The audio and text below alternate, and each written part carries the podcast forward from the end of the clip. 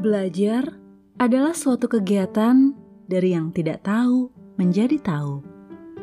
Sebagai makhluk hidup, kita bertumbuh, tidak hanya usia, tubuh, tapi juga akal budi. Dalam perjalanannya, wajar jika kita membuat kesalahan karena ketidakmengertian.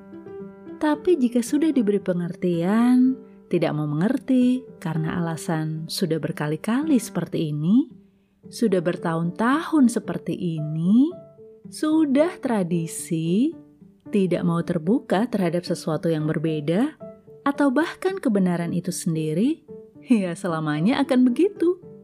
Tidak bisa berubah, tidak mau belajar, tidak mau upgrade, mandek. Itu sebabnya biasanya sulit bicara dengan orang tua, khususnya yang berjiwa tua, merasa paling benar dan tak akan ada perubahan. Selamanya begitu.